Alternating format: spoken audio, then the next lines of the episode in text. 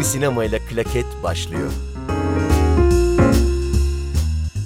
Merhaba, Fikri Sinema ile Klaket'e hoş geldiniz. Bu hafta da Yeşim Ustaoğlu'nun ikinci uzun metraj filmi Güneşe Yolculuğu konuşalım istedik. Ee, yayında Tuncay, Ceren ve Furkan var.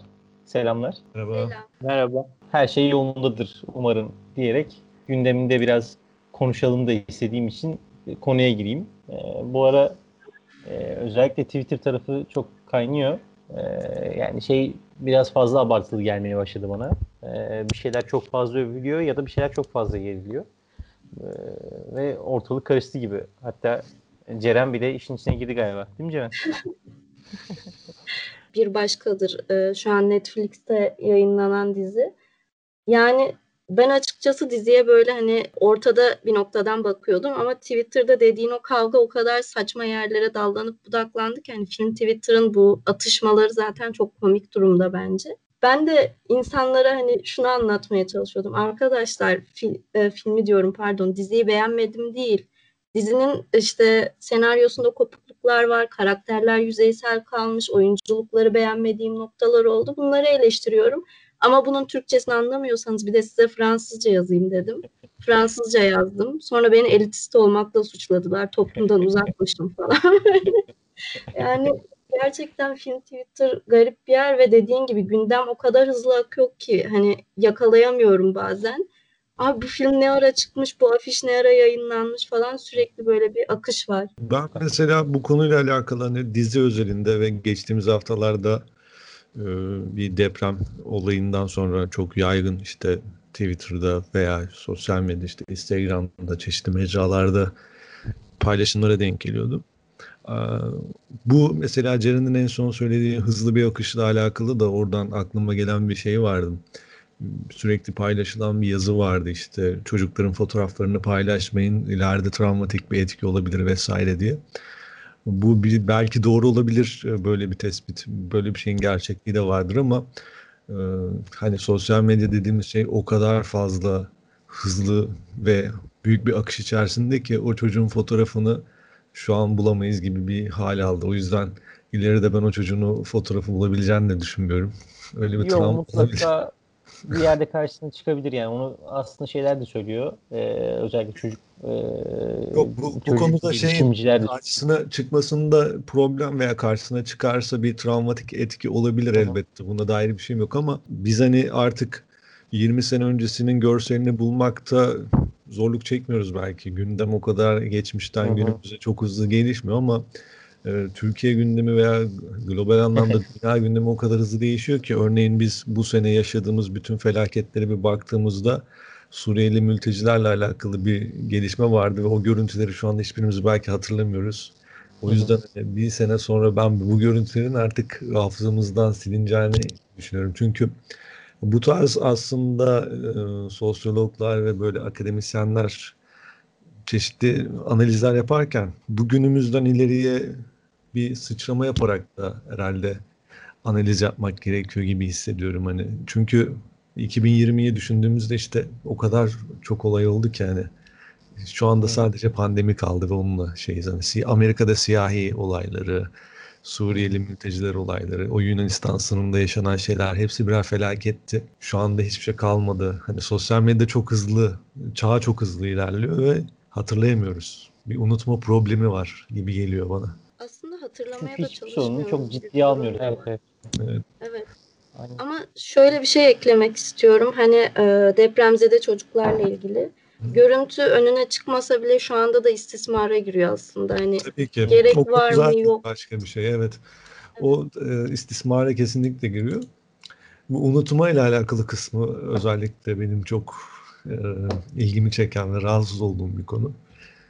Önemsemiyoruz aslında. Dediğin gibi yani felaketler yılı gibi geçiyor 2020. Devam ediyor. Geldikçe geliyor ama o kadar vurdum duymaz bir hal aldı ki veya çok fazla gördüğümüz için işte psikolojik bir tepki aslında bu da yani çok doğal bir tepki verebileceğimiz ama unutmaya başladık yani çok yüzeysel yaşıyoruz her şeyi. Ya bir de paylaşılan e, söylevler, yazılanlar falan o kadar çok e, birbirine benziyor ki sosyal medya kullanımı sanırım şeye de sebep olmaya başladı. Hani tek bir düşünce paketi var. Bundan herkes bir şekilde böyle bir nasibini alıyor ve paralel şeyler söylüyor. Yani özgün bir düşünce ortamı pek oluşmuyor bundan dolayı da. Çünkü hazır bir paket bilgi var ve bunu kullanmak kolay zaten. E, sosyal medyada bunu sağlıyor. Yani, Bu da bir yerden sonra unutuşa da sebep oluyor herhalde. Evet, aslında herkesin en e, doğru doğru. Aslında herkesin en özgün olarak fikrini ifade edebildiği ortam olarak hayatımıza girdi sosyal medya ama artık şey bir platform. E, reklamın olduğu bir platform haline döndü. Yani insanlar oradan da bir e, kazanç sağlar hale geldiği için normal görüyorum. Özellikle insanlardan da ziyade markalar buraya sıçramaya başladı. Sosyal medya artık bir kurumsal bir hal aldı. Reklam buradan bir iletişim dönmeye başladı. Ulusal dediğimiz o işte ulusal kanallar, televizyon zaten önemini yitirmeye başladı. Bu da böyle çok fazla yaygınlaştıkça da popülist söylemlere de sebep oluyor ya. İçi boşalt evet. çok şey. Aynen öyle. Bir de işin e, beni korkutan tarafı Tuncay'ın sessizliği. Tuncay bu kadar sessiz kalıyorsa sert bir şey gelecek oradan bak.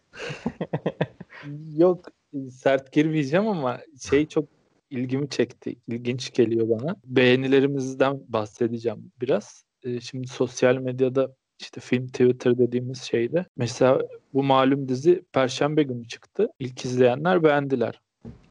Cuma cumartesi izleyenler beğenmediler. İlginç bir dalga şeklinde gidiyor. Çok ilginç bir şekilde. Hani birinci dalga övüyor. ikinci dalga bu muydu övdüğünüz film diye giriyor. Üçüncü dalgada da biraz belki orta yolcular çıkıyor. Şeyde Letterboxd kullananlar bilirler herhangi bir filme bakın. Bu dalgalanmayı çok rahat görebilirsiniz. En son şeyde oldu. Hı. Kaufman'ın filminde oldu. I'm thinking of ending things. Hı hı. Hı Unutuldu bile bak. Evet. hayır, ben hala hatırlıyorum. Unutmadım. Yani ilk başta 4... sevmiştim. Ha, iyi bari. yani ilk başta 4-5 yıldızlar sonra işte 2-3 yıldızlar düşüş sonra tekrar yükseliş gibi bu bence hani sosyologların, psikologların ilgi, incelemesi gereken bir konu. Ben açık söyleyeyim yani ilk dalgada izleyince objektif yorum yapabiliyorum ama ikinci dalga yani biraz geç kalınca, yorumları okuyunca objektif davranamıyorum. Ben mesela bunun farkındayım. Çok beğenilince filme hani olumsuz taraftan bakmaya çalışıyorum daha çok. Eksiklerini bulmaya çalışıyorum. Bu bence bayağı sıkıntılı bir e, ruh hali. Bundan da nasıl kurtulunur bilmiyorum.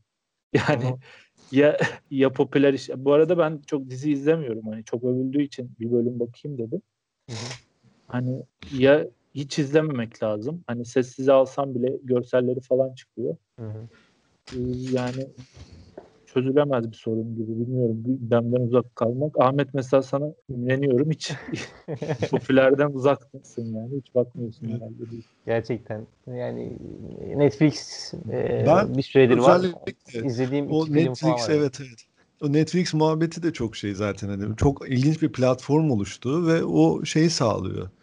Hani genelde ben şimdi dizi izlemedim. Hiçbir fikrim de yok ne anlattığına dair ama yazılanlardan gördüğüm kadarıyla işte çok fazla e, işte Türkiye sosyolojisine dair orta sınıfa, orta alt sınıfa dair çok fazla şey verildiği söyleniyor.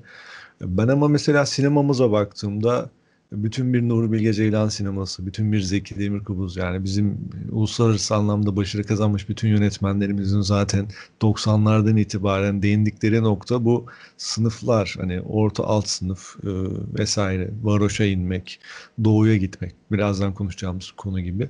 Bunların hiçbirisi böyle bir e, şeye girmedi e, ama uzun vadede tabii hepsi çok konuşuldu hani sanki bir e, Amerika yeniden keşfedilmişçesine işte işte böyle bir dizi ilk defa. Aslında hani izleyici de böyle bir yapının olduğundan haberdar değil hissine kapıldım ben. Hani sinemamızda zaten böyle örneklerin çok olduğunu Amerika yeniden keşfedilmediğini falan söylemek isterdim açıkçası. İzlemedim ama tabii diziyi. Yani yorumlardan yola çıkarak bunu söylüyorum. Dizide yani ana tema o fikir o kadar çok insana dayatılıyor ki hani ben bir noktadan sonra izlerken şey dedim. Abi tamam ayrımcılık okey hepimiz farkındayız Türkiye'de bu var ama yeter hani biraz farklı bir çerçeveye mi geçip baksak olaya acaba? Yani çok yoruyor o noktada. Hani ilk başta da girdiğimizde sohbet ederken söylemiştim. Gerçekten beni yoran bir dizi oldu.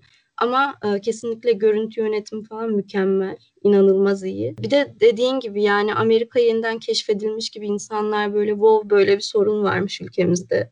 Yani yılların sorunu bu zaten yeni oluşmadı. Komik geliyor gerçekten insana. Evet hani hem yılların sorunu hem de zaten sayısızca dizi çekildi, film yapıldı ve hala yapılıyor. Yani bunların hepsi zaten sinemamızda uluslararası anlamda başarı kazanmış bir sürü filmde bu konular çerçevesinde hep ilerledi.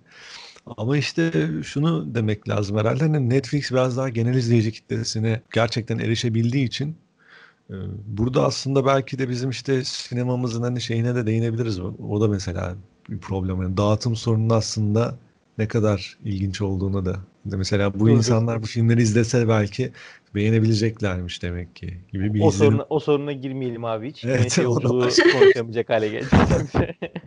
ya da bu program gündeme de dönüştürebiliriz. Evet. Problem değil ama güneşe yolculuğa haksızlık etmeyelim. Çünkü aslında dediğin doğru. Güzel bir noktadan değindin. Ben oradan filme biraz bağlayayım. Önemli Türk filmlerinin çok az sayıda izlendiğini biliyoruz. Hatta Ceren yayın öncesi bilgisini de vermişti. Güneşe Yolculuk çok az salonda ve çok az kişi tarafından izlenmişti. Gerçi onun e, başka sosyolojik sorunları da nedenleri de var. E, ama tabii az izleniyor. Az salonda e, oynanıyor. Bu da kötü bir durum tabii ama Güneşe Yolculuk bence dönemi için iddialı ve iyi bir yapım. Ben yeni izleme şansına sahip oldum ne yazık ki. Keşke daha önce izleseymişim. Hakikaten etkileyici bir yapım. Eksikleri var tabii onu da konuşacağız ama benim sevdiğim bir film oldu. Tuncay seni az konuştuk sana atıyorum o yüzden topu. Sen beğendin mi filmi? Eyvallah abi. Ben beğendim filmi. Daha önce iki filmini izlemiştim Yeşim Ustaoğlu'nun. Pandora'nın Kutusu ve Tereddüt. Hani Pandora'nın Kutusu ortalama üstü bir filmdi. Çok giremedim içine ama Tereddüt'ü hiç beğenmemiştim. Bu istediğim üçüncü film oldu. Ben de ilk defa izledim. Keşke dedim sinemada izleseymiş. Hı hı. Şimdi diye düşündüm. Sinemada izlenmeyi hak eden bir film. Hı hı. Bilmiyorum siz nereden izlediniz ama çamur gibi bir görüntüden izledim. Ona rağmen filmi çok beğendim. Bir kere şeyden başlayabilirim. Çok cesur bir iş. 99 yılında bu olaylar işte 90'lar sonundaki siyasi olayların üstüne hemen böyle bir film çekmeye kalkmak bence büyük cesaret. Ee, bunun da altından kalkmış başarıyla Yeşim Ustaoğlu. Film aslında bir içsel yolculuk filmi. Mehmet'in kendini keşfetme filmi. Politik anlamda e, alt metinleri olsa da gelen anlamıyla böyle bakabiliriz. Filme çok girmeden benim ilk söyleyeceklerim bunlar. Ben de filmi izlerken özellikle Mehmet'in esmer e, teni, ten renginden dolayı yaşadıkları yaşadığı sorunu biraz da hani o kara mizah e, yaparcasına gözümüze sokarcasına anlatışı çok hoşuma gitti. Tabii filmin tamamında değil bu. Çok ufak bir yerinde. Hani birkaç yerde treliğim, treliğim değişinde hep o e, sadece ten rengi nedeniyle Kürt zannedilmesi ve Kürt zannedildiği için sorunlarla uğraşması gibi bir durum vardı. Bayağı ilgimi çeken bir taraftı. Hoşuma gitmişti hakikaten. E, ama işte ülkenin e, ne yazık ki en büyük sorunlarından bir tanesi hala bu. Ceren sen sevmiş miydin filmi? Ben aslında filmi sevdim. Zaten Yaşım Ustaoğlu'na da çok büyük bir sevgi ve saygı besliyorum. Filmde sadece takıldığım nokta şuydu benim. Oyunculuklar bazı noktada çok yüzeysel ve yapay kalmış. Hani böyle bir film çekerken e, doğallık arıyor insan ister istemez. Yani doğallığa burada bakardı Yaşım Ustaoğlu diye düşünüyorum ama bir şekilde kaçmış bazı sahnelerde. Belki de bilerek o şekilde e, servis etti bilemiyorum. Ama yani film genel hatlarıyla çok parlak bir film zaten. Dönemine ışık tutabilen bir film. Ee, daha önceden de bahsetmiştim. Filmi izlerken bir şey hissi doğdu bende. Yani acaba bu filmi Yılmaz Güney çekse nasıl olurdu? Hani onun çerçevesinden de görmek isterdim. Zaten Yılmaz Güney'in çerçevesinden Kürt sorununu defalarca kez gördük. Kürt sorunu da demek istemiyorum bu arada. Bunu bir sorun haline getirmekten hoşlanmıyorum ben de. Ama işte dilimize oturduğu için maalesef yani defalarca kez gördük onun gözünden de onun e, bakış açısıyla. Ama tekrar bu filmi de görmek isterdim yani hani bu yolculuk e, hissiyatı, ölümle yolculuğun birleştirilmesi böyle çok e, Yılmaz Güney'i aratan şeyler oldu bana. Hmm. Zaten dediğim gibi bir Kürt sorunu demek benim de hoşuma gitmiyor. Çünkü hayali sınırlar, hayali milliyetçilik kavramlarıyla insanları ayrıştırmak kadar saçma bir şey benim görüşümde yok e, sınırın bir tarafında doğmuş bir insan ve ten rengi farklı olduğu için ayrıştırmak, başkalaştırmak çok saçma geliyor bana da. Ama tabii burada şu an günümüzdeki siyasi e, taraflarında en çok uyguladığı şey o iki tarafa bölme, tarafla, e, taraflara ayırma e, yöntemiyle bir çatışma çıkartarak yönetme işi o zaman da iyi yapılmıştı. Hala da iyi yapılıyor. Ne yazık ki bunun sancılarını çekiyoruz hala. E, ama dediğim gibi Yeşim Ustaoğlu bu konuya güzel değinmiş. Farklı Yılmaz Güney'den izleseydik muhtemelen çok daha farklı bir yapım çıkardı ama haklısın. Peki Furkan sence Yeşim Ustaoğlu'nun en iyi filmi midir? E, Güneşe Yolculuk. Bunu söylemem biraz herhalde zor. Çünkü ben bulutları beklerken Pandora'nın kutusu ve Güneşe Yolculuk hani benim için Hı hı. Hiç Ustaoğlu sinemasında üçlü ama herhalde e, Güneşe Yolculuk belki en iyi film olabilir diyebilirim ama bazı noktalarda da tabii diğerlerine geçiyor falan. Zor bir soru. Bu arada hani bu filmin ilginç noktalarından bir tanesi mesela buradaki oynayan oyuncular hiçbirisi oyuncu değil normalde. Onu e, film üzerine işte biraz araştırma yaparken görmüştüm. Hı hı. Normalde Mezopotamya Kültür Araştırmaları Derneği'nde Kürtler üzerinde çalışmalar yapan ve bu konuda gönüllü olan Kürt gençleri o iki oynayan çocuk aslında. Ee, Yeşim Ustaoğlu bu filmin senaryosunu yazarken o Mezopotamya Kültür Araştırmaları Derneği'ne sürekli gidip geliyormuş. Hatta film için şey falan da diyor kendisi işte hani fiziksel olarak bir katkıda bulunmalarının dışında e, hikaye anlamında da çok katkılarında bulunduğunu söylüyor filme bu iki gencin.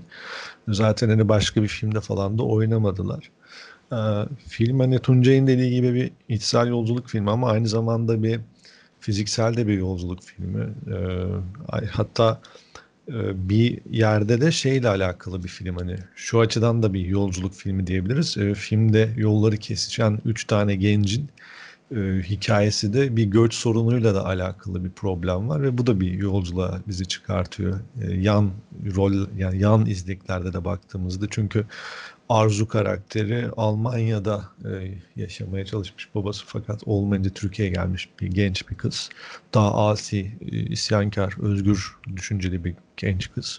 O dönem Türkiye'sinde hatta şu anki Türkiye'de bile yetişmesi zor bir karakter bazı anlamlarda. Onun dışında e, zaten Berzan karakteri işte doğudan gelmiş bir genç. Ailesi orada babası işte e, öldürülüyor ve işte faili meçhul cinayete gidiyor ve işte burada çalışmaya İstanbul'a çalışmaya geliyor. Bir yoksunluktan geliyor. Onun dışında e, Mehmet karakteri de Tire'den geliyor. O da bir yoksulluktan geliyor buraya. Göç ediyor ve burada çalışmaya başlıyor. Üç karakterin de ortak özelliği bir yoksullukla başlıyor. Arkadaşlıkları da zaten. Hatta bunun üzerine de bir şey var.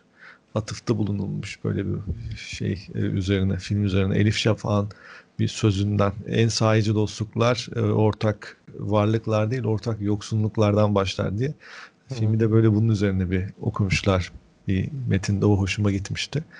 E, ilk etapta söylemek istediklerim. Bunlar sonra Hı. zaten konuşuruz. Arzu'ya değinmişken ben şöyle bir e, yorum yapıp size yine sözü bırakayım. E, Arzu bence filmin Ufak en dengeleyici. Tabii tabii. Ahmet Nazmi Kırık şeyde oynamıştı. Vizontere'de oynamıştı. Evet evet. Ben Orada öndeki işte... şeyden bahsediyorum orada. İki tane genç çocuktan Berzan ve Mehmet'ten bahsediyorum. Yok işte Berzan'ın diyorsun zaten. Aa, sonradan oynadı mı o çocuk? O önceden mi oynadı sonradan mı oynadı acaba? Bizontere sonra mı önce mi? Sonradan Tunca... diyebiliyorum ama. Tuncay söyleyeceksin. organize organize işlerde şey, sahnesi organize. var iyi hatırlıyorum. Tamam. Ben Vizonte dediğime bakma aynı şeyi söylüyordum aslında. Organize işler aynen. Müslüm, Müslüm denen hıyar repliğinin geçtiği yerde Bye Bye Happiness şarkısıyla. Ya. evet evet doğrudu. Ben izlemediğim için bilmiyorum ya şeyi. E, organize ya, işleri. Şey, bir araya girdim. Şeyi de e, yazı turada da şeyi konuş. Furkan ondan bahsetmiyor da e, Kürtlerden bahsediliyor. E, Mehmet oynamamıştır büyük ihtimal başka filmde. Onu bilmiyorum da Arzu yazı turada da oynuyordu evet. Mizgin Kaplan. Doğru. Arzu zaten oyuncu ya. Ee, ama Mehmet ve Berzan karakteriyle Mezopotamya Kültür Araştırmalı Derneği'nde işte tanıştığını falan söylüyor Yeşim Ustaoğlu. Orada tabii bunun o çocuklar o zamanlar ne yapıyorlar, ne iş yapıyorlar. Belki de evet ilk oyuncu Berzan'ın ama Hiç işte bilmiyorum. oynamış. Neyse pardon araya girdim. Yok iyi oldu. Böyle daha iyi oluyor hatta. Ben şunu söyleyecektim aslında. Arzu karakterinin filmi en dengeleyen karakter olduğunu e, düşünüyorum. Neden? Çünkü her ne kadar Kürt sorununu iyi anlatıyor ve bu tarz filmler kolay bulunmuyor desem de e, bir şeyi de sadece e, eksik ya da eleştiri olarak söylemek istiyorum. E, bazen iyi taraf kötü taraf diyoruz yani hayatın içinde aslında her şey salt iyi ya da salt kötü değildir. Ama burada da ya da o Kürt sorununu anlatırken de salt iyi ya da salt kötü yaratabiliyoruz.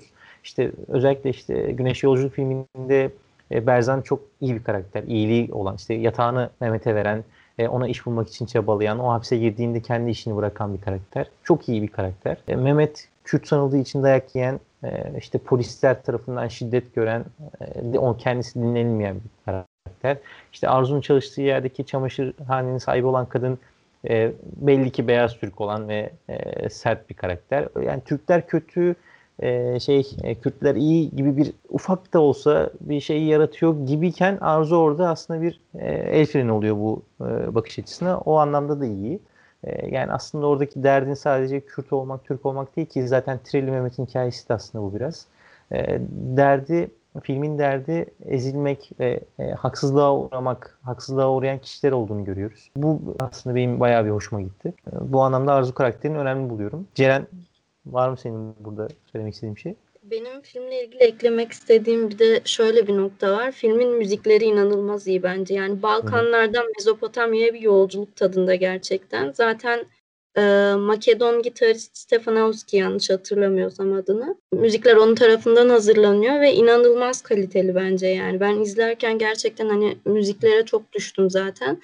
E, bir de eklemek istediğim şöyle bir şey var filmle ilgili. Yani konunun biraz dışına çıkacak bu ama bu işte Kürtlerin direnişe geçtiği sahneler var. Zaten bunu bize sürekli aslında alttan alta anlatıyor. İşte e, hapishanelerde açlık grevleri başlıyor veya e, işte oradaki mimikleri, tavırları tamamen bunu anlayabiliyoruz zaten.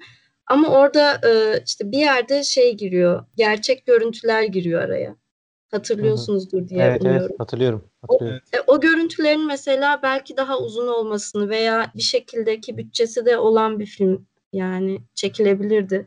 Ee, belki bir şekilde tekrar canlandırılmasını isteyebilirdim. Ee, daha çok içimize işleyebilirdi. Hani oralar çok yüzeysel kaldığı için filmle ilgili çok şey yorum okudum ben işte. Yani bir Yılmaz Güney sineması değil. içimize işlemeyi başaramadı. Belki eksikleri buradan geliyordur yani filmin. Hı hı. Doğru, haklısın. Bu arada Aragüler'i görmek de e, güzel bir an oldu benim için. Tekrar orada e, bir şeyin İSKİ flütünün başında Aragüler'i görmek de tatlı bir andı. Evet. E, araya da ben de bu söylemeden edemedim. Tuncay sen Ce- ne düşünüyorsun? Ceren, Benim, Ceren Yılmaz Güney'den bahsetti. Zaten e, Yol filminden bayağı isimlenmiş gibi geldi bana bu film. Hı. Yol filminde de benzer bir yolculuğa çıkıyordu karakter. Hı hı. Tam net hatırlamıyorum o filmi ama ya ben Yılmaz Güney'in çekmesini istemezdim. Bunu da Yeşim Ustaoğlu çekmiş. Farklı bir açıdan bakmış. Ee, şunu söyleyecektim. Film Güneşe Yolculuk adı üstünde bir yol filmi ama hı hı. bence filmin eksiklerinden bir tanesi bu yolculuğu ana teması yapamamış. Aslında e, Mehmet'in içsel yolculuğu dedim ama tam net bir dönüşüm geçirmiyor yolculuğun sonunda. Yolculuğun sonunda işte sular altında kalmış bir şehire ulaşıyor. Zor güç e, Berzan'ın memleketine. Aslında çok iyi bir sahne var. Ondan bahsetmek istiyorum. Bir kamyonla karşılaşıyor. Herhalde tekerleği değiştiriliyor. E, orada oturan dayıya dayı ne, ne tarafa gibi bir soru soruyor Mehmet. Adam cevap veremiyor. Türkçe Hı-hı. konuşamadığı için. Yanındaki de eşi sanırım. O İstanbul'a gidiyor diyor. Yani mesela orada iki dakikalık bir sekans aslında çok şey anlatıyor. Mamanın başarısı da bu. İstanbul'a gidiyorlar. Göç ediyorlar. Çünkü hı hı. şehir kalmamış. Yani yaşadıkları yer sular altına gömülmüş. Başka hı. bir şehirden tabii zor güç değil de başka bir şehirden de göç ediyor olabilirler. Hı hı. Mesela bunu hani doğru düzgün bir diyalog bile yok. Adam konuşmuyor bile. Ve iki görüntüyle kamyonet üstünde işte eşyalar, koyunlar her şeyle taşınan bir görüntüyle başarılı bir sekanstı. E, ya buradaki insan hikayelerin daha fazla olmasını beklerdim. Bunun bence eksiği bu. Yani son yarım saatte yolculuğu izliyoruz. 1 saat 15 dakika ise İstanbul'da geçiyor çoğunlukla. Yani bunu yarım saat İstanbul'u gösterip bir saat yolculuğa ayırsa, farklı karakterler tanısak sanki daha başarılı bir film olurmuş gibi gelmişti bana. Belki de hikayeyi çok fazla o tarafa dallanıp budaklandırmak istememiştir. Yani fazla karakter olmadan aslında Mehmet'in ve Berzan'ın hikayesi onların e, neler yaşadığını anlatmakla sınırlı tutmak istemiştir ama dediğin sahne benim de çok hoşuma gitmişti. Bir o sahne bir de Boğaz Köprüsü'nden o e, Mehmet'in geçtiği ve güneşe gittiği sahne çok hoşuma gitmişti. Dediğin doğru ama haklısın. Oradaki sadece o yaşlı adamın konuşmadan yanındaki ben de kızı zannetmiştim bu arada. Kızının söyledi, söylemiyle e, çok acı bir gerçeği göz önüne seriyordu bir sahneyle. Güzel güzel bir sahneydi gerçekten. Ya o sahneyle ilgili bir şey eklemek istiyorum. Çok olayı böyle e, ideolojik bir yere de çekmeden aslında orada çok derin bir kavga da var. Yani o ana dilde eğitim tartışmasına Hı-hı. da giren bir kavga oradaki. Hani Yeşim Ustaoğlu'nun da bunu bilmeyerek yaptığını sanmıyorum zaten. Hı-hı. Doğru. Tuncay'ın dediğine bir yandan o orada da katılma katılıyorum ben de. Yani şöyle o sahneye aslında ufacık bir şey veriyor ve büyük bir mesaj veriyor aslında. Belki biraz daha uzun tutabilirdi oraları. O anlamda haklı ama e, çok fazla karakter olup hikayeyi derinleştirmek istememiştir diye tahmin ettim ben izlerken. Bilemedim tabii. Bunu Yeşim Ustaoğlu'yla bir konuşmak lazım yere. yani şu açıdan da söyledim. Tempo sorunu da var. İlk yarım saatte hani İstanbul'un böyle keşmekeşini görüyoruz. İşte önünde açılıyor. Onu da söyleyeyim. Üçüncü dakikada galiba yönetmeni görüyoruz Yeşim Ustaoğlu'nu. Simit alıyor. Cameo mu deniyordu yönetmenin kendi evet, evet. Ee, o da hoş bir detaydı. İşte böyle sabah İstanbul açılıyor. Sabah insanlar yürüyüşe başlıyorlar. İşte Berzan kaset satıyor Eminönü'nde bir tezgahta. Yani film o açıdan çok güçlü tempolu başlıyor. İkinci yarıda işte o son yarım saatteki sakinlik filmi ikiye bölmüş. O, o sorundan bahsetmek istemiştim. Hani bunu nasıl daha dengeli yapabilirmiş yarı yarıya falan mı onu şey yapamadım. Film başlarken e, bir zaten e, açılışta bir su görüntüsüyle başlıyor böyle bir yansımayla. Seyirci zaten ilk etapta şey hissedemiyor. E, hani bu görüntünün ne olduğunu kamera biraz geriye çekilince anlıyoruz. İşte bir tabuta konu şey tabutun arabaya konulduğunu görüyoruz ve biz e, film ilerledikçe onun ne anlama geldiğini ilerleyen sahnelerde anlamlandırıp da görüyoruz. Ee, bu işte o sahne biraz böyle şey e, halinde.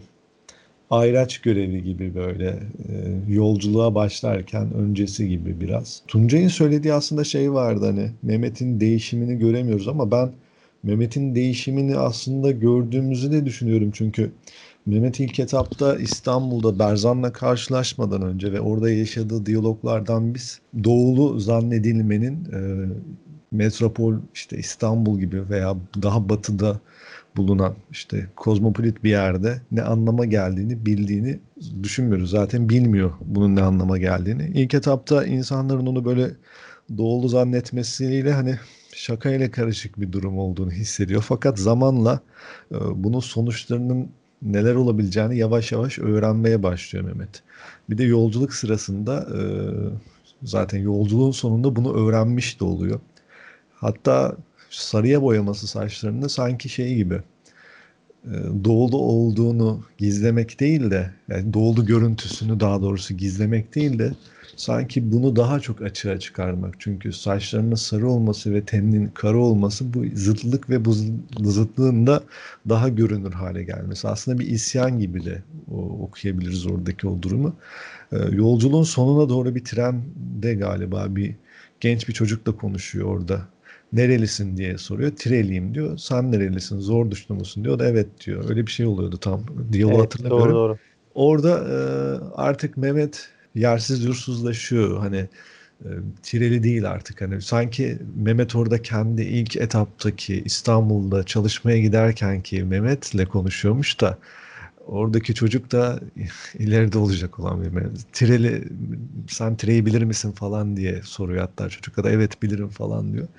Mehmet'in biz orada değişimini zaten bence o güzel bir ayraç. Hani Mehmet'in değişimine dair. Ben orada onu hissetmiştim açıkçası. Bir de hani Mehmet yine bu yolculuğun sonunda azınlık olmanın ne olduğunu da öğreniyor Türkiye'de. Bir Kürt olmanın ne olduğunu da öğreniyor. Ee, çarpı işaretin ne olduğunu öğreniyor. Çünkü odasına bir çarpı işareti konuluyor. Güneydoğu'daki evlere gittiğinde o çarpı işaretinin ne olduğunu öğreniyor. Vesaire vesaire.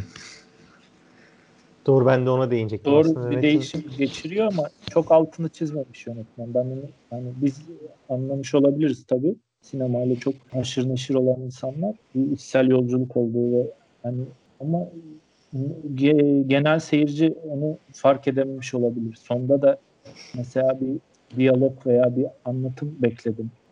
O Zorduç kenti neden sular altında kalmış? Ufak bir bilgiyle sanki bitirse, onun da bir altını çizse hani çok incelikli vermiş yani. Herkes anlayamayabilir diye söylemiştim onu. O da Güneydoğu Anadolu projesi kapsamında işte baraj yapılacak ve şey olacak köyler sular altında kalacak köylere dair bir şey ama ona dair bir mesaj vermiyor bu arada. Hani o biraz şey gibi oluyor gerçekten. Hani o gündelik bir gazeteci nidasıyla yerleştirilmiş bir bilgi gibi oluyor ama fakat işte atıyorum bir 20 sene sonra bu Güneydoğu Anadolu projesinin ne olduğuna dair bilgisi olmayan insanlar onu anlamlandırmakta iyice zorluk geçecektir zaten bence de. E, işin sonunda ama o yolculuğun son yarım saatinde hem işte e, Türkçe bilmeyen hem işte evlerinden barklarından edinilmek zorunda kalan Kürt kimlikleri nedeniyle kapılarına işte çarpı konan bir şekilde neredeyse yok edilmek istenen bir halktan bir topluluktan bahsediyor. Biraz yani ben bence iyiydi, kararındaydı. Hı hı. O anlamda dediğim gibi Furkan yani hem Mehmet'in yolculuğunu görüyoruz hem bir de Mehmet de anlıyor onu. Mehmet de hem kendi anlıyor hem seyircinin de anlamasını sağlıyor belki. O çarpıyı gördükçe, o boşaltılmış köyü gezerken ya da işte trendeki o dediğin gibi treli çocukla konuşması sırasında e, güzel mesajlar vardı bence de. Şeyi de beğendim. Ceren söyledi hani o hapishanelerdeki bir anda görüntülere geçiyor ya gerçek görüntülere. Hı hı. Belgesel gerçekçiliği de var. Hani Yeşim Ustaoğlu onu da amaçlamış biraz. Hani sonda dedim ya altını çizmemiş. Belki de çizmek de istememiş olabilir. O tercih onu bilerek yapmış olabilir. Şeye çok şaşırdım. Bazı uzak planlar var. Özellikle İstanbul'da e, çektiği hani nasıl çekmiş, çekilmiş şaşırdığım sahneler olmuş. O açıdan hani ikinci filminde böyle ustalıkla kalkmak kolay bir iş değil ve bunu çok gösterişli de yapmıyor Hı hı. e, yönetmen. Hani göstere göstere yapmıyor. İstanbul'daki sahneleri falan düşünün. Evet evet. Yani herkesin çekebileceği sahneler değil ama kısa kısa hızlı bir şekilde geçmiş. Çok iyiydi. Belki de ajite etmek istememiştir Tuncay. O ilk söylediğine cevap olarak söylüyorum. Eğer çok fazla hem hikayeyi e, o ikinci yarıda derinleştirseydi hem o dediğin işte o şehir ya daha doğrusu o ilçe neyse neden sular altında kaldığını anlatsaydı böyle çok fazla bilgiyi verseydi belki biraz daha ajite etmiş olacaktı. Ondan da kaç, kaçmak istemiş olabilir. E, dediğim gibi bence o, o anlamda da kararındaydı. Aslında şöyle bir nokta da var. Yani şu an ben de farkına vardım. Ee, hem görüntüleri çok fazla göstermiş olsaydı olayı dramatik bir boyuta taşımış olacaktı. Bu da olayın realitesinden uzaklaşacaktı. Hem de e, yani bir noktadan sonra sürekli aynı görüntüyü görmeye başladığımız için, aynı olay döngüsünün içinde döneceğimiz için olay bizim için kısırlaşacaktı ve sıkılacaktık. Yani normalize etmeye başlayacaktık kendi içimizde. Hı hı. O görüntüleri arada böyle çok hızlı bir şekilde görmek bir yandan da onunla ilgili düşünmeye de sebep oluyor aslında. Katılıyorum, katılıyorum. Bir de tabii o görüntüleri araya serpiştirerek hem işte Mehmet'in ve Berna'nın biraz da hayali bir hikayesini görüyoruz aslında orada ama bir yandan da ayaklarının yere bastığını, Türkiye gerçekleri olduğunu da anlatıyor. O dengeyi de iyi kurmuş. Çünkü işin sonunda o Mehmet'in yolculuğu, e, o en son e, işte tabutu sulara bırakması falan biraz da e, gerçeküstü bir hikaye. Ama onu o, o görüntülerle ya da Mehmet'in yaşadığı acılarla, yediği dayakla e, ayaklarını yere bastırıyor. Bu anlamda da ben takdir ettim yani. Başarılı buldum. Yani. Özellikle Ben bayağı sevmişim filmi bu arada. özellikle şey var yani hani o yolculukta atıyorum işte pick-up bozuluyor arabası daha sonra işte başka araçlarla taşıyor. Hani sonuçta bir tabut taşıyor, bir ceset taşıyor en nihayetinde bir ölü taşıyor. Ceset demek biraz böyle şey oldu. Ee, bu da bir şey katıyor hikayeye, bir dramatik bir şey olarak katıyor. Bir de orası da böyle sanki bir gerçeküstü havada işte sular altında kalmış bir köye ulaşıyor ve güneş batarken oradaki görüntü de zaten çok muazzam, görkemli bir bitiriş yani gerçekten. O çok e, hoştu. Bir de hani görüntüyle alakalı da az önce işte öldü falan. e, yön- görüntü yönetmeni de Polonyalı bir Hı hı. yönetmen. ismini tam çıkartamıyorum şimdi. Bakmam gerekiyor. Hatta baktığımda şeydir. Kieślowski ile falan e, bir bazı filmlerinde görüntü yönetmenliği yapmış. O da e, güzel bir noktaydı. E, ilgimi çeken. Hatta Bulutları Beklerken de de aynı görüntü yönetmeyiyle çalışmış Yeşim Ustaoğlu. Ya Ahmet siz Tanju ile yaptığınız bir programda bahsetmiştiniz. E, Kuyu'nun bir hangisi hatırlamıyorum. Hamam konuştuğunuz olabilir. Hı hı. Bu yeni Türkiye sineması filmlerinde Euro Images'in de büyük katkısı var. Biraz Avrupa sanat sinemasına yaklaşıyor sinemamız bunlar sayesinde. Ortak proje olunca da e, Avrupa'dan bazı ekip üyeleri almak zorunluluğu var sanırım. O sebeple de görüntü yönetmeni ve kurgucu sanırım bu filmde. Yabancı. Başka filmlerde de görüyoruz böyle Euro Image desteği olan filmlerde. Çoğunlukla görüntü yönetmeni yabancı Tabii. Hatta bu çok ilginçtir mesela. Andres Sinanos artık e, Türkiye'de o kadar çok film çekti ki bir yandan da Angelopoulos'un görüntü yönetmeni Yunan. Hatta ben Edirne'deyken e, o bir berbere gidip saçlarını orada kestiriyormuş mesela arada falan öyle garip şeyleri vardı adamın bayağı Türk gibi yaşıyor. öyle ilginç bir detay. Filmin aslında bir de hani Kürt meselesinin dışında tartıştığı böyle yan e, şeyler zaten çok belirgin işte. Öteki olmak e, ne demek e, Türkiye'de. Bu tartışılıyor. Kimlik meselesi zaten tartışılıyor. En temelinde de örneğin az önce söylediğiniz bir şey daha vardı. Onu da eklenti yapacaktım az önce onu unuttum. Hani bir o dönem 90'larda bir Kürtçe yasa sürekli dillerle, dillerdeydi ve e, orada Berzan'ın mesleğinin de mesela kasetçi olması, Kürtçe şarkılar üzerine işte kasetler satıyor olması hatta orada bu çalan kim diye sorduğunda orada yine Kürt bir şarkıcıdan bahsediyordu. Şimdi ismini hatırlamıyorum. Böyle detaylar da vardı. Hani dönem Türkiye'sine mercek tutan da bir yapısı var. Bunlar da filmi güzel olmasını pekiştiren bazı noktalar benim için. Evet, ben bir önceki konu... Mesajlar. Pardon Ceren.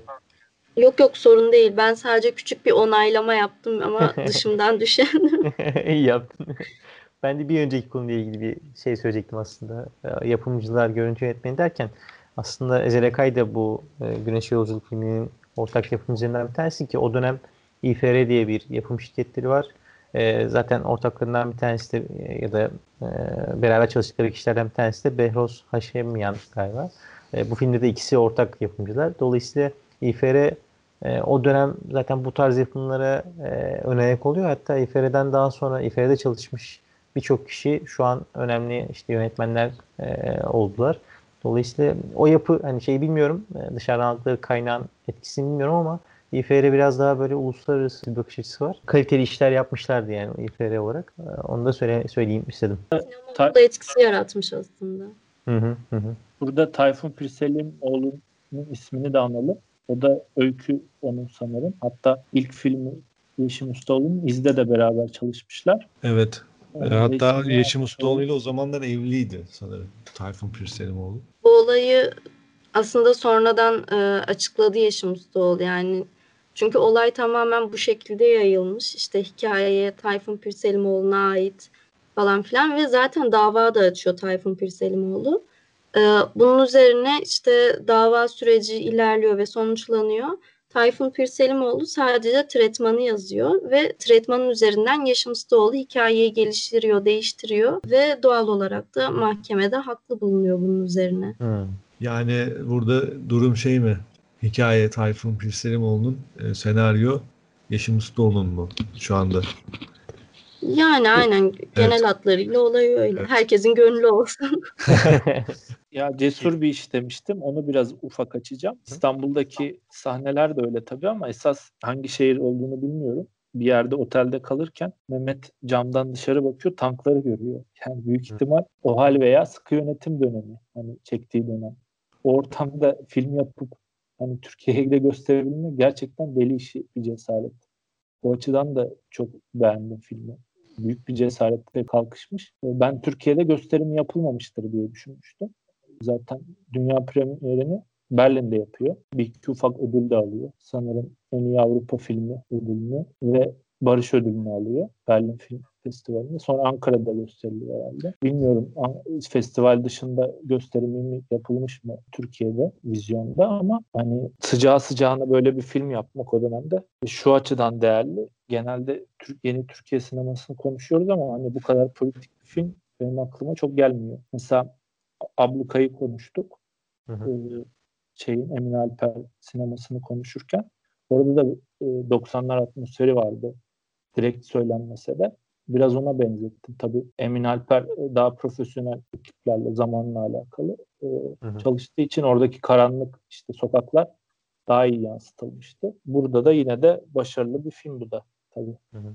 Zaten Türk, Türkiye sinemasında en çok üzüldüğüm şeylerden tanesi de özellikle o 90'larda ve 2000'lerin başında daha iyi ekipman olsa, daha görüntüler iyi olsaymış yani görüntü kalitesinden bahsediyorum. Çok daha iyi şeyler e, konuşulabilirdi bence Türkiye sineması hakkında. İkinci problemi de figüranlar bence. Çok kötü figüran kastı oluyor ne yazık ki. Yani başka bir ülkede, başka bir sinemada o an o figüran olarak dahil olan kişilerin bile ne kadar filmin içinde olduğunu görüyoruz. Türkiye'de ise tamamen şey. Bu filmde de bir yerde dikkatimi çekti işte. Arzu Mehmet'i sormaya gidiyor. Neden soruyorsun? Ne yapacaksın? Falan diye böyle hiç olmayan, alakasız oraya böyle dışarıdan konulduğu çok belli olan bir replik ve e, cümlelerle giriyor. Bence en büyük eksiklerimizden bir tanesi de bu. Polis memuruydu sanırım değil mi? Evet evet. Neden soruyorsun falan. hani, Sen orada ben otur. Polis memurunda bu kibarlığı görmedim bu arada. bir de yani konuşma Türkçesinde bakacağım falan diye bir şey yok. Yani bunu e, her filmde de e, bunu bir şekilde denk geliyorum ben. Türkiye'de çekilmiş her filmde neredeyse buna bir denk geliyorum ya da o figüranın aslında orada zoraki oturmuş. Zoraki demiyorum ama o rolün kendisine ait olmadığını hissettiriyor. Oraya işte rol yapmak için oturtulduğu çok belli. Ee, keşke bu, bu tarafımız biraz daha iyi olsa. Ya çünkü Türkiye sinemasında şöyle bir sıkıntı var. Hani hem sinema sektöründe hem dizi sektöründe işte ya sana günlük 50 lira verelim gel figüran ol. Hani böyle bir mantıkla işlediği için süreç çok kalitesiz Doğru. oluyor gerçekten figüranlıklar. Doğru. Ee, bu yani da kameraya bakanlar yine, falan. Doğru. Yine maddiyata vuruyor tabii işin sonunda ama evet. haklısın. Ee, mecbur bir de yönetmenler belli durumlarda da mecbur kalıyorlar buna ya da yapımcılar diyeyim. Bu da aslında burada en fazla mesela şey de yapıyor ya bunu. Nuri Bilge e, babasıyla annesini bayağı bir filminde oynatmıştı. Hı hı. O da çok şey geliyordu. İlginç. İyi de oynamışlardı ama. Fena değildi babası falan. Bedavaya oyuncu tanıdık. Bir de son olarak ufak bir şey ekleyeyim. Arzu'yla Mehmet arasındaki o naif sevgi de çok hoşuma gitti. Hani bayağı uzak kalmışız böyle naif sevgilerden. Aralarındaki işte konuşmalar, metroda otobüste giderken konuşmaları yani bayağı uzak kalmışız. Dönemin tabii getirdiği e, şartların getirdiği işte sosyal medyanın getirdiği şeyle de alakalı. O, o da ufak bir detay olarak hoşuma gitmişti. Aslında haklısın. Aralarındaki aşk ilişkisi kurdukları bağ çok tatlı gerçekten. Bir yandan da işte birbirlerinin e, hayatlarına dahil olma çabaları. Arzu'nun hem çalıştığı yerdeki kadın hem babasının sürekli Arzu'yu baskılaması ama ona rağmen sürekli bir şekilde dönüp dolaşıp Mehmet'e geri dönmesi onun peşinden gitmesi. Oradaki kurdukları ilişki de çok tatlı aslında. Hani insan insanın kurdu olmamalı, yardımlaşabilmeli. Onu çok güzel aşılıyor orada. Ortak noktaları var bu karakterlerin aslında işte bu ortak noktada buluşup birbirlerinin aslında bir e, şey sağlıyorlar. Destek ve bu destek çerçevesinde zaten arkadaşlık ve dostlukları pekişiyor. Film açıdan da güzel. İyi bir arkadaşlık öyküsü belki bir yerden de. İyi bir kimlik e, üzerine tartışma yapan bir film. E, ötekileri ele alan güzel bir film vesaire birçok noktada e, şeyi var filmin temas ettiği. Ufak bir detay bileziklerini veriyor. Kaç tane hatırlamıyorum Arzu Mehmet'e yola giderken bana biraz o abartı geldi. Yani bilmiyorum. Bilezikte verilmez herhalde. Kaç haftalık ilişki ama. Haftalık ilişki, ilişki gerçekçi geldi. Ya. Şeye de veriyor bu arada. Adli tıptaki adama da veriyor cenazeyi alabilmek için. Evet hani Mehmet'e vermesini yani, anladım bir tane de. iki tane gitti yani bilezik. dağıtmayı seviyor yani. Zaten ben baktım çok inceli bilezikler. O zaman altın İnce mince şu an her şey pahalı. Doğru söylüyorsun işte. Yani altın o zaman da fenaydı. Ağzınıza sağlık. Çok güzel yayın oldu bence. Tabii Yeşim Ustaoğlu'nun Güneşe Yolculuk filmi de güzel olduğu için iyi de aktı e, yayın. Hepimizin de beğendiği e, bir film. O, o anlamda da çok çatışma olmadı gerçi. Benim çok hoşlanmadığım bir şey bu. güzel güzel gitti.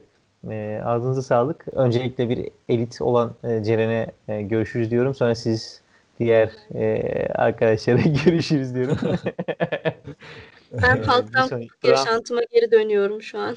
Sen evet. Ona lütfen. Fransızca söyle Ahmet. Başka Bonjour. Yok o sa- günaydın değil mi? Ben, ben hiç ne kadar uzağım gördüğünüz gibi. Hiç elit olamadım Oğlu var. Ceren. Ne işim var Oha, sizinle evet. şu an anlamıyorum. Paspallar teşekkür ederim. Bir sonraki yayında görüşmek üzere. Tuncay'ın söylediğini bölmüş oldum. Ee, paspallar olarak veda ediyorum. Görüşürüz. Görüşmek üzere. Fikri Sinema ile Klaket sona erdi.